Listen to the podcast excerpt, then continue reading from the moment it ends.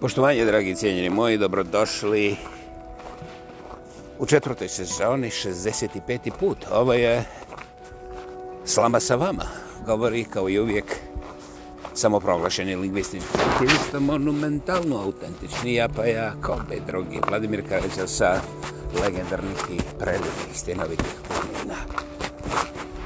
Pojma nemate koliko je meni, uh, širinom jedne još uvijek ne ispio one simfonije koju samo gospod Bog može potpisati.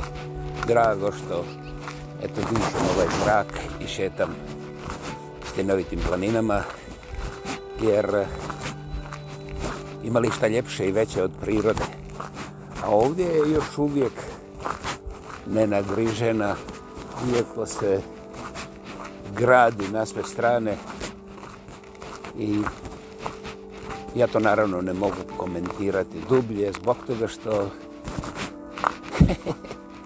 sa jedne strane sam kompletno irelevantan. Naime, e, moje kompanije ne postoje i neće investirati u budući razvoj, ali kako se to kaže.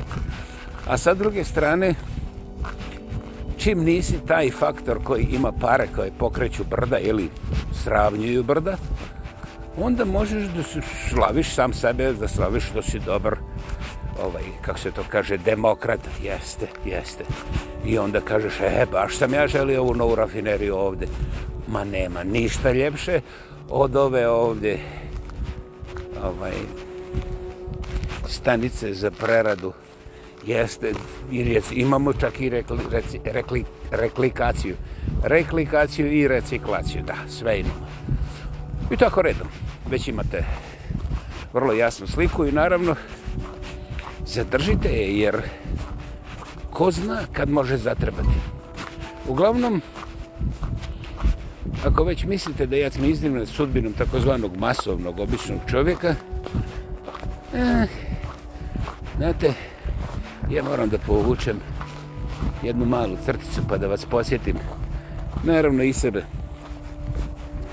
E, kako god pogledate, hoćete geografski, hoćete povijesno, hoćete... Izvolite, nađite. Nađite kut koji vam odgovara. Primijetit ćete da su takozvani mali ljudi uvijek bili u većini i da su upravo ti mali ljudi koji su uvijek bili u većini imali najmanje novca i utjecaja a opet sve veliko što vidite oko sebe napravili su ti takozvani mali, dobro možete reći i masovni ljudi. Dakle, gledajući recimo sa Marsa, to bi možda moglo izgledati jednostavno, kao jasno ovi gore ta šečica tih vlastodržaca ili novcodržaca određuje ko će šta i kako, imamo te razno razne metode, je li može feudalistički, može kapitalistički, ne može komunistički, ne, ne, ne, ne, ne, sad ih tamanimo, demokratiziramo ih. I Kinu i Rusiju. Šta? Kao oni su odustali. ne mogu oni tek tako da se oprave od komunizma dok ih mi ne rasperemo, jeli? dakle, kao što vidite, međutim, svi ti koncepti, sistemi i ideologije, počivaju na, na takozvanom malom masovnom čovjeku. I onda, znaš, taj mali masovni čovjek koji je izmanipuliran ko zna koliko puta, ko zna na koje sve moguće i nemoguće načine, on na kraju vrlo često ne vjeruje ni da je mali, ni da je veliki, baš ga zabole brige za visinu, debljinu, dužinu i frekvencije, on je zainteresiran da uđe tamo gdje je koliko toliko sigurno, pa ako na kraju dođe nekakvo klanje i ovaj, mislim te slične strušnosti, a šta ćeš? A šta ćeš? I od toga neko mora, mislim, jeli, ovaj, da doživi. Da doživi šta je doživio. Eto, tako to otprilike ide i naravno da se onda ljudi mrtvo hladno pohvataju za vratove negdje ispred zadružne nekog zadružnog dućana tamo negdje u provinciji kao, nećeš ti meni reći da su plavi bolje od žuti. Ovo je kože, pa, sum, sum, znaš, ne možeš ti meni nikako prešutiti zelene ti takvi, ovakvi, onakvi. I onda se oni lijepo pofataju i onda slušaj, pošto su malo zabačeni, policija nije došla i onda nema ni novina i eto, niko ne zna šta se tu dešava. Međutim, to pravilo hvatanje za vrat malih u potpuno relevantnim situacijama kada sukob doslovce predstavlja njihov personalni očaj i nemogućnost da bilo šta značajnije u vlastitom životu promijenjuju, promijene, To je taj moment kada oni pronalaze krivca i pronalaze te krivo misleće i ovaj, i naravno ovi vlasnici su vrlo zainteresirani da podrže tu nazovi slobodu mišljenja gdje na primjer navijač željezničara može da ode među navijače Sarajeva i da mi kaže slušaj i to baš u njihov klub i kaže gasi demokracija je sad ćete poštovati mene iako je tamo 70 navijača Sarajeva u tome klubu i piju sarajevsko pivo, a željezničarov, mislim, željezničarov navijač je došao sa konjakom i nećete vi sad meni konjak, ovaj, mislim, koso gledati, jer demokracija je, mislim, sad je sloboda, svako ima pravo da radi šta hoće. Naravno, pritom je ovaj lijepi navijač željezničara ne pomisje da primiti da je on svojom voljom čačkao mečku, to jest svratio u kafanu koja je velikim slovima označena kao Sarajevo, pa ispod piše klub navijača Sarajeva i onda mislim sve drugo. Tako da bi jedan kinez razumio da se nalazi u nekom manje više privatnom okruženju navijača Sarajeva. To znači da ovaj navijač željezničara, pošto nije kinez, razumije taj jezik kojim je to sve napisano, ali došlo su demokratska vremena, došla je sloboda. Sad ćete vas 70 da slušate mene i da pijete šta ja pijem. Jer vi ste ovakvi, onakvi i tome slično, a ja znam da je tvoj ćača bio komunista. Ovaj, da, to je moment kada je absurd umro od, od srama, ne od straha, ne, ne, ne, da je, da je straha ikad bilo budale ne bi ovaj, prekoračili Rubikon, znate. A i to nije bilo prije 15 dana, nego ohoho, ima vremena, nećemo sad brojati. Dakle, u momentu kada umre absurd, ne treba više nikakav crtež šta se dogodilo ili nije se dogodilo. To su okolnosti koje bi mnogi već protumačili za katastrofične. Međutim, Katastrofa je nešto sasvim drugo, a namjerna destrukcija ili destrukcija zbog kaprica je u stvari od adeže proizvedena. Znači, kompletno je proizvedena. Čak i onda kada su sve te... Good morning. Kada su sve, sve te, da izvineš, bljuvotine kao onako slučajno, ad hoc u situaciji, ne, ti ljudi su već skuhani prije nego što su izašli u grad da misle ne smije niko da mi dira želju. Ja sam naravno umjesto želju mogu staviti recimo Hajduk ili na primjer Manchester City. Mogu sam staviti umjesto toga na primjer pitanje evo baš prije neki dan naletim na pitanje abortusa. Znaš, Mislim, da, da, dobro ste čuli. Čovac mi ovaj objašnjava strahote abortusa i to onako. Nisam istraživo, mislim, jer ja nisam abortuso istraživač, znate. A nisam ni političar, tako da nijednog momenta nisam zainteresiran za detalje nečega što ono, iz čista mira kontroverzno do, do te mjere da ubijaju vrlo, vrlo kvalificirane ljude,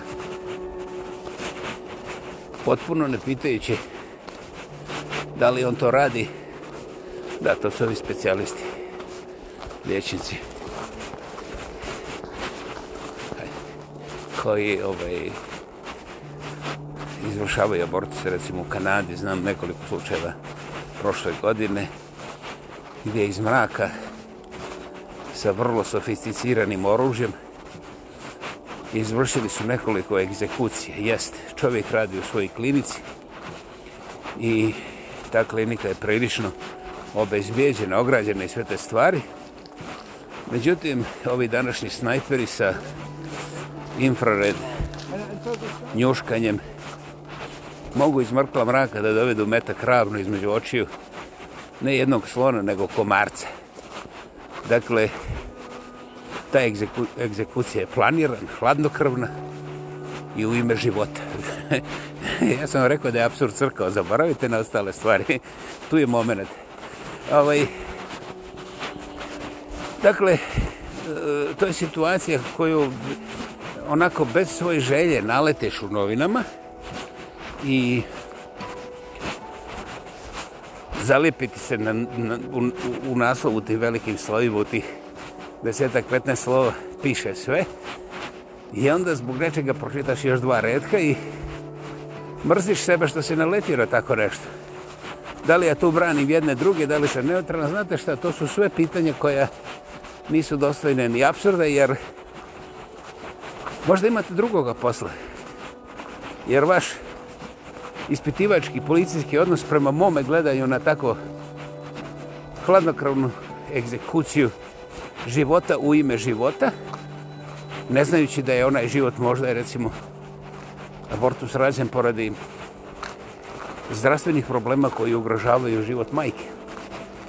Ja samo kažem možda, jer to može utvrditi samo specijalista koji izvrši odgovarajuće medicinske preglede, to se naime ne može odrediti po političkoj, nacionalnim i drugim pripadnostima, niti bez obzira kako dobar vid imate, pa čak ni onaj snajperski, ne možete ovako odok. Naime, potrebna su neka ozbiljna ispitivanja od ozbiljnih strušjaka sa još ozbiljnijom medicinskom specijalističkom opremom. Dakle, to nije prostor nagađanja. Međutim, Deran koji potegne obarač tamo na drugoj strani, on je potrošio 5000 dolara. Ja neću govoriti o mogućnostima da mu je neko i poklonio, ali ako pržiš 5000 dolara da bi ubio jednog profesionalca jer se ne slažeš sa njegovim radom, da li je tu potrebno bilo šta objašnjavati. Ja ne znam, vi, vi odlučite. Vi odlučite, dragi moji.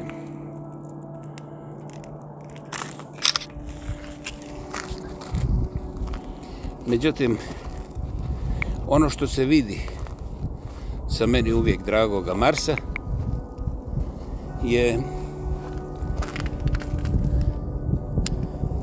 da je apsurd doslovce crkao od srama i onda ga sada u stvari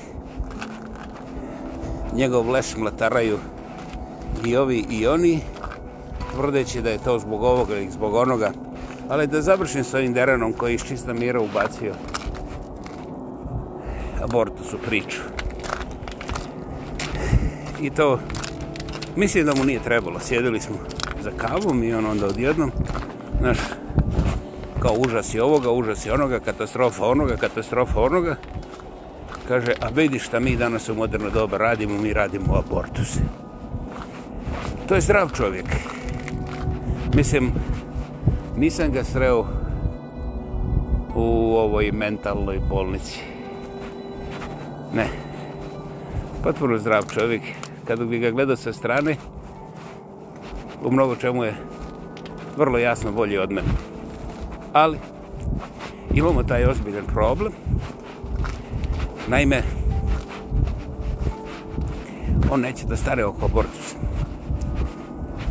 Naravno, slobodno zamislite kakve užasne slike i sve to skupa. Naravno, on nije eksplicitno rekao, ali sa takvim žarom je nabrojao sve užase abortusa, da sam u jednom momentu čak ja se osjećao posljeđeno jer nisam u koku ni jednog liječnika koji radi abortus. Ozbiljno, ni jednog do sada, ni jednog jedinog. Čak nisam ni pomišljao recimo da ukokam, ne liječnika, nego bilo koga. Ne znam, vjerovatno ću morati pitati svoga terapistu šta je pogrešno sa mnom. I taj čovjek se tako, znaš, uf, i ja šutim, mislim, jebeš ga, stvarno, ne mogu ja reći da je aborto šetanje pod svijeću i ovaj, slava proljeću i šta ja znam, mislim, bez obzira što je absurd mrtav, ja sam još uvijek nekako živ, pa čujem to i ne može biti ugodno čuti sve to, ali stvarno u jednom momentu mi je došlo ono, jebote, miš, daj mi mortaljez, ja nisam ubio još ni jednog tog liječnika koji radi te užasne abortuse. Nijednog momenta u, tom, u toj situaciji nisam priupitno sebe kako je moguće da taj čovjek ima biranu listu tih najužasnijih slika. Jer abortus je puno više od tog jednog čina koji traje zavisno od liječnika pola sata do maksimalno 45 minuta. Ja govorim ovako slobodno jer znam da je kraće, ali eto nećemo detaljima. Jer onda bi morali uračunati parkiranje, ulazak u kliniku, priprema, telefonski razgovori za pripremu. Znate, onda bi došlo da to ipak nije moguće raditi za 45 minuta, nego i ovaj, to je jedna velika frustracija. A onda i gađenje. Zašto ja moram prolaziti preko svega toga? Ja sam ovaj, mislim, čak i da sam uduševljen sa LGBT, ne planiram da se prevaspitam. Znači, neću biti u situaciji da radim te medicinske procedure. Uglavnom, moj mozak pređe u petu brzinu i ja onda udahnem i kažem čovcu ja ne mogu ovaj kontra tih slika učiniti da govorim. Jer ovaj... Slažem se da je to užas. Međutim, ja bih ti reći nešto što ja znam. A to je recimo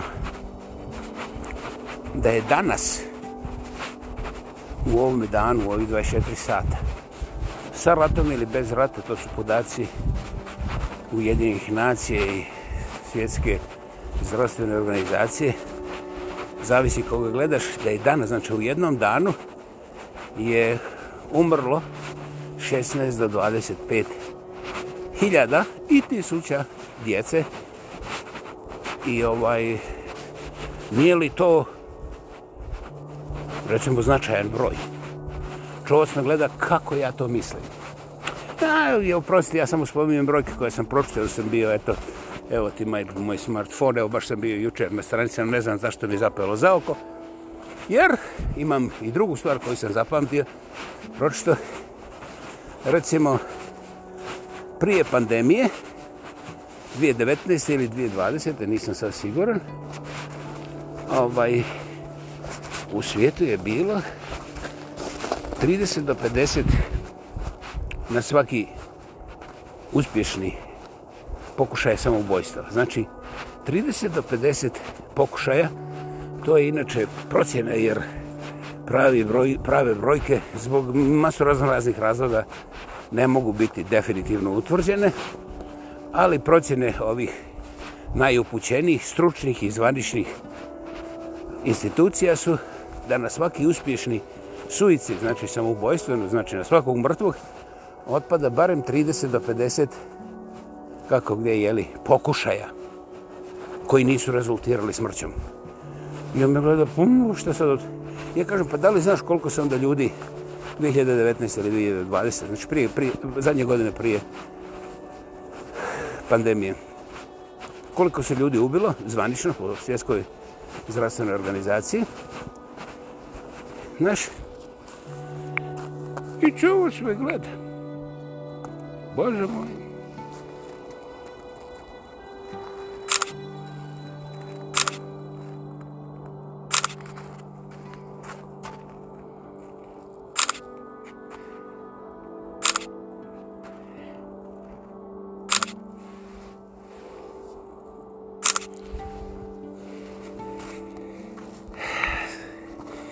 i meni treba da udahnem.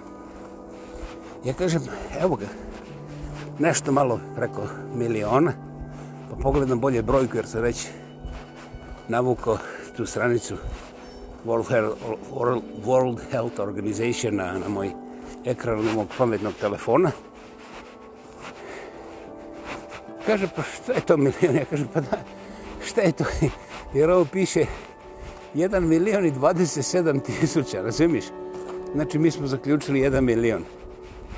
A oni 27 tisuća, pogledaj, to je kao ova, nekako statistička greška ili kao to je potpuno nevažno. I čovjek je gleda, pa, pa, ja kažem, okej, okay. vi ste znači kontra abortusa, kaže, pa zar ti nije jasno, gotovo uvriženo. Ja kažem, okej, okay. okej, okay. um, I nema nikakve sumnje da abortus um, završava jedan život koji je tek započet. I sad, šta god ja rekao o tome, ne može i neće ništa promijeniti. Međutim, ako smo mi svjesni koliko ljudi koji su uglavnom zdravi, a pogotovo ta djeca, kažem, oko 20 tisuća dnevno, zavisno na koje podatke gledate, ali Ovaj, da je deset dnevno bilo bi previše. Ovaj, znači, mi nemamo ni jednu ideju kako da skratimo patnje djece. Milioni djece u Africi su bez vode, recimo.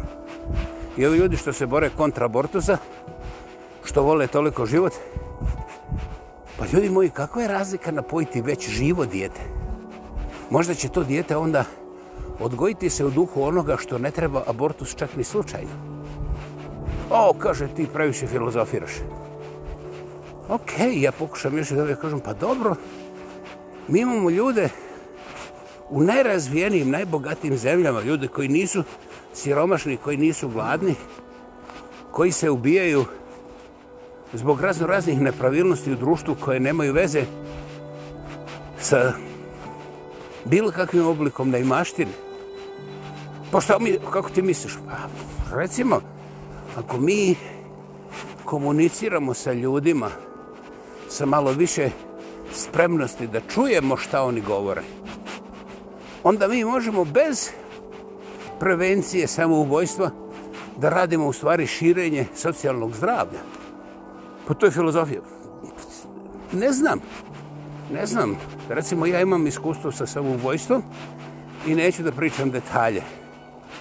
Ali onog momenta kada je moj psihijatar mene primio po 747. put i pustio mi da ja govorim šta mene, šta je znam, ganja ili tišti ili, ili jednostavno ispada iz mene. Meni se jednog dana otvorilo oči i ja više ne trčim da se ubijem. Kako se zove taj lijek, ne znam. Nema ga u klasifikaciji, ali se možemo vratiti na ono socijalno, društveno zdravlje, gdje ako smo spremni da čovjeka pored nas slušamo i čujemo, slušamo i čujemo, onda se situacija dramatično mijenja. Zašto? Pa evo, prije pandemije u svijetu se ubilo milion ljudi. Za vrijeme pandemije provjerite brojku. Primijetit ćete da je dramatično veća. I to u situaciji kada ljudi ne rade, dobivaju pomoć od države, i uživaju po svoje kuće kako god hoće. Ako će dignuti noge na televiziju ili dignuti televiziju na noge, pff, niko im neće ništa reći. Dakle, postoje neke stvari koje su više nego očigledne i postoje karakteristike ljudskoga koje se ne mogu staviti u medikamente, koje se ne mogu staviti u industriju i koje jednostavno ne pripadaju ni u politiku, ni u ideologiju, a to je onaj obični takozvani spontani ljudski kontakt sa kojom temom ne znam.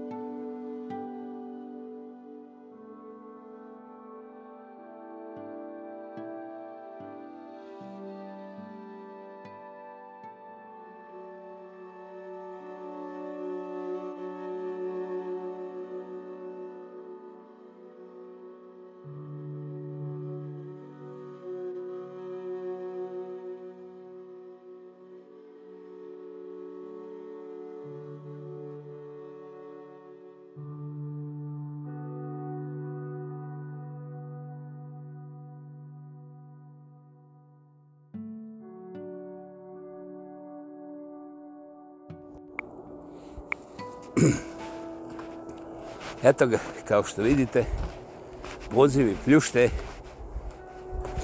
Ovo je bilo iz Pentagona. Javio se Đoka koji puno koka.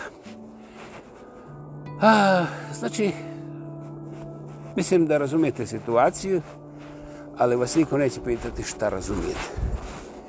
Postoji sve veći i veći broj ljudi koji iznutra, podsvjesno, čak i oni sami ne znaju zbog toga, doživljavaju najdublje frustracije koje onda iskaču kao fanatizmi recimo antiabortusni ili antirusniki ili antiovi ili antioni, a to nikad nije fanatizam zato što su naši zapadni očevi uspili da nas obide da su jedini fanatici muslimani, muđahedini i afganistini, znaš, onda dolaze Rusi, ovi Hirancevi i ovi, kako se zove, Kinezovi, jeste.